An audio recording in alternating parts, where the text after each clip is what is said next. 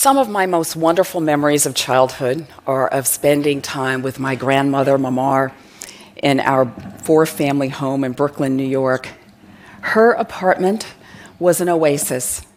It was a place where I could sneak a cup of coffee, which was really warm milk with just like a touch of caffeine. She loved life. And although she worked in a factory, she saved her pennies and she traveled to Europe. And I remember poring over those pictures with her and then dancing with her to her favorite music. And then when I was eight and she was 60, something changed. She no longer worked or traveled. She no longer danced. There were no more coffee times. My mother missed work and took her to doctors who couldn't make a diagnosis. And my father, who worked at night, would spend every afternoon with her just to make sure she ate. Her care became all consuming for our family. And by the time a diagnosis was made, she was in a deep spiral. Now, many of you will recognize her symptoms.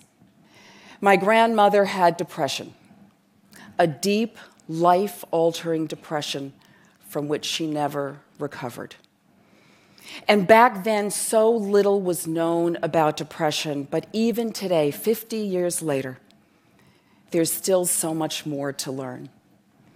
Today, we know that women are 70% more likely to experience depression over their lifetimes compared with men. And even with this high prevalence, women are misdiagnosed between 30 and 50% of the time. Now, we know that women are more likely to experience the symptoms of fatigue, sleep disturbance, pain, and anxiety compared with men, and these symptoms are often overlooked as symptoms of depression. And it isn't only depression in which these sex differences occur, but they occur across so many diseases. So it's my grandmother's struggles that have really led me on a lifelong quest. And today I lead a center in which the mission is to discover why these sex differences occur and to use that knowledge to improve the health of women. Today, we know that every cell has a sex. Now, that's a term coined by the Institute of Medicine. And what it means is that men and women are different down to the cellular and molecular levels. It means that we're different across all of our organs, from our brains to our hearts, our lungs, our joints. Now, it was only 20 years ago that we hardly had any data on women's health beyond our reproductive functions. But then in 1993, the NIH Revitalization Act was signed into law. And what this law did was it mandated that women and minorities be included in clinical trials that were funded by the National Institutes of Health. And in many ways, the law has worked. Women are now routinely included in clinical studies, and we've learned that there are major differences in the ways that women and men experience disease. But remarkably, what we have learned about these differences is often overlooked.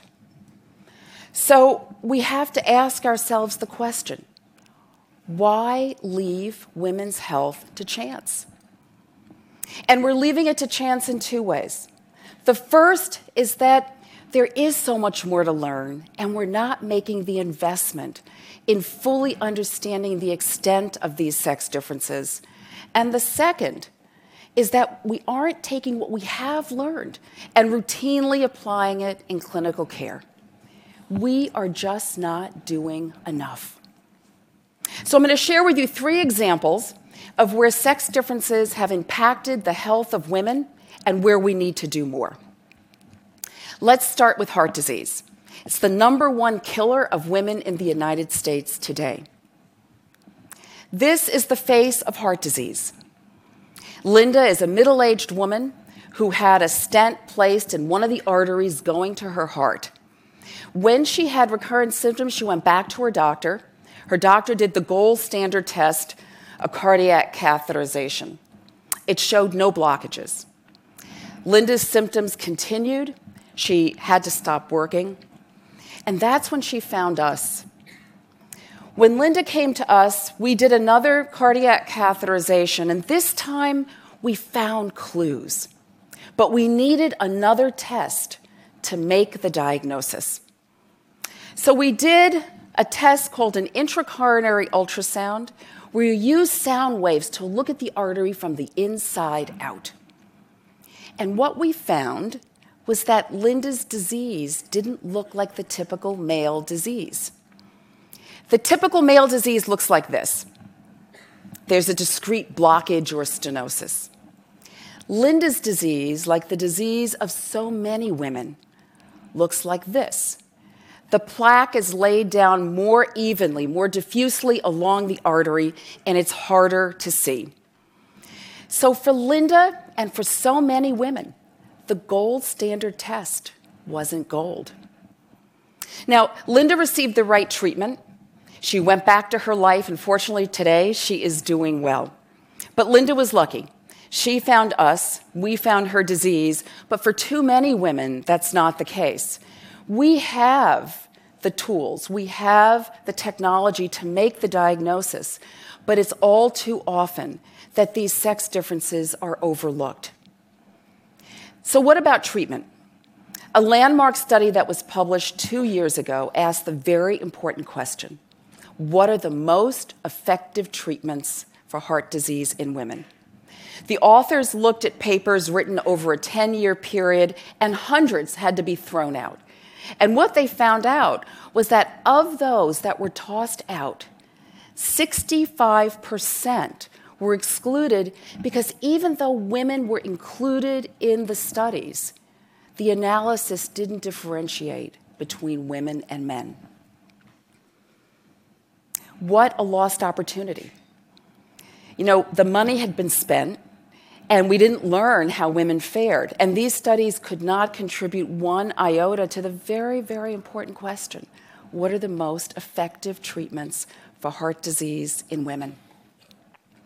I want to introduce you to Hortense, my godmother, Hung Wei, a relative of a colleague, and somebody you may recognize, Dana, Christopher Reeve's wife. All three women have something very important in common. All three were diagnosed with lung cancer, the number one cancer killer of women in the United States today. All three were non smokers. Sadly, Dana and Hung Wei died of their disease. Today, what we know is that women who are non smokers are three times more likely to be diagnosed with lung cancer than are men who are non smokers.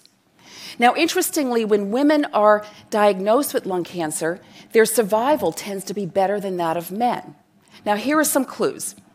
Our investigators have found that there are certain genes in the lung tumor cells of both women and men. And these genes are activated mainly by estrogen. And when these genes are overexpressed, it's associated with improved survival only in young women. Now, this is a very early finding, and we don't yet know whether it has relevance to clinical care.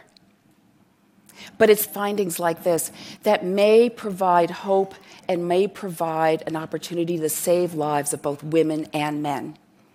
Now, let me share with you an example of when we do consider sex differences, it can drive the science. Several years ago, a new lung cancer drug was being evaluated, and when the authors looked at whose tumors shrank, they found that 82% were women. This led them to ask the question well, why? And what they found was that the genetic mutations that the drug targeted were far more common in women. And what this has led to is a more personalized approach to the treatment of lung cancer that also includes sex. This is what we can accomplish when we don't leave women's health to chance. We know that when you invest in research, you get results. Take a look at the death rate from breast cancer over time. And now take a look at the death rates from lung cancer in women over time. Now let's look at the dollars invested in breast cancer. These are the dollars invested per death and the dollars invested in lung cancer.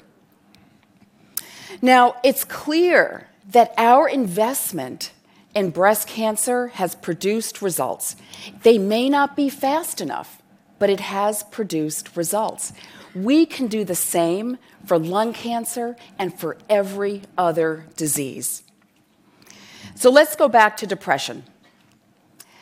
Depression is the number one cause of disability in women in the world today. Our investigators have found that there are differences in the brains of women and men in the areas that are connected with mood. And when you put men and women in a functional MRI scanner, that's the kind of scanner that shows how the brain is functioning when it's activated. So you put them in the scanner and you expose them to stress, you can actually see the difference. And it's findings like this that we believe hold some of the clues for why we see these very significant sex differences in depression. But even though we know that these differences occur, 66% of the brain research that begins in animals is done in either male animals or animals in whom the sex is not identified. So I think we have to ask again the question why leave women's health to chance? And this is a question that haunts those of us in science and medicine who believe that we are on the verge of being able to dramatically improve the health of women. We know that every cell has a sex. We know that these differences are often overlooked, and therefore we know that women are not getting the full benefit of modern science and medicine today. We have the tools, but we lack the collective will and momentum. Women's health is an equal rights issue as important as equal pay. And it's an issue of the quality and the integrity of science and medicine.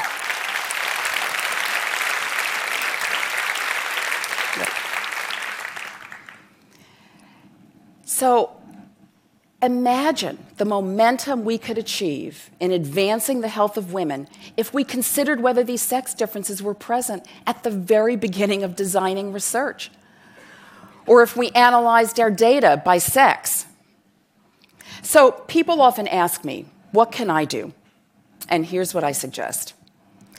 First, I suggest that you think about women's health in the same way that you think and care about other causes that are important to you. And second, and equally as important, that as a woman, you have to ask your doctor and the doctors who are caring for those who you love is this disease or treatment different in women? Now, this is a profound question because the answer is likely yes, but your doctor may not know the answer, at least not yet. But it you ask the question, your doctor will very likely go looking for the answer. And this is so important, not only for ourselves, but for all of those whom we love, whether it be a mother, a daughter, a sister, a friend, or a grandmother. It was my grandmother's suffering that inspired my work to improve the health of women. That's her legacy. Our legacy can be to improve the health of women for this generation and for generations to come. Thank you.